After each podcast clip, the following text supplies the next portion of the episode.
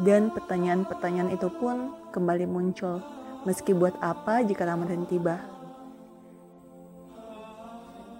Wahai manusia, barang siapa di antaramu memberi buka kepada orang-orang mukmin yang berpuasa di bulan ini, maka di sisi Allah nilainya sama dengan membebaskan seorang budak dan dia diberi ampunan atas dosa-dosa yang lalu.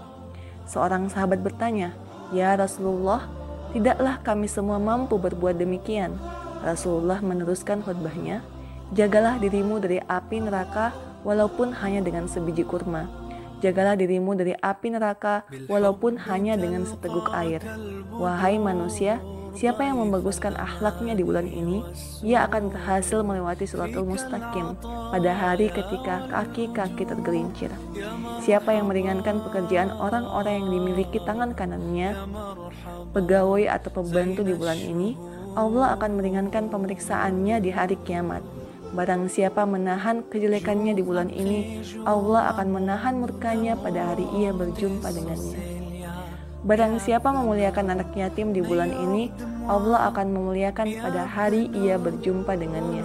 Barang siapa menyambung tali persaudaraan atau silaturahmi di bulan ini, Allah akan menghubungkan dia dengan rahmatnya pada hari ia berjumpa dengannya. Barang siapa memutuskan kekeluargaan di bulan ini, Allah akan memutuskan rahmatnya pada hari ia berjumpa dengannya.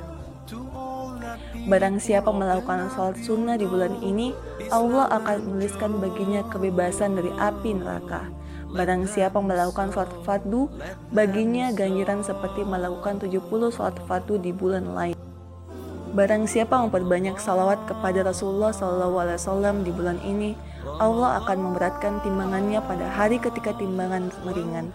Barang siapa di bulan ini membaca satu ayat Al-Quran, ganjarannya sama seperti menghatam Al-Quran pada bulan-bulan yang lain. Wahai manusia, sesungguhnya pintu-pintu surga dibukakan bagimu, maka mintalah kepada Tuhanmu agar tidak pernah menutupkannya bagimu. Pintu-pintu neraka tertutup, maka mohonlah kepada Rabbmu untuk tidak akan pernah dibukakan bagimu setan-setan terbelenggu, maka mintalah agar ia tak lagi pernah menguasaimu. Ali bin Abi Talib yang meriwayatkan hadis ini berdiri dan berkata, Ya Rasulullah, apa amal yang paling utama di bulan ini? Rasulullah SAW menjawab, Ya Abul Hasan, amal yang paling utama di bulan ini adalah menjaga diri dari apa yang diharamkan oleh Allah. Wallahu alam bisawab. Tulisan ini saya bacakan dari sebuah artikel dakwah tunata yang terbit tahun 2007. Semoga bermanfaat.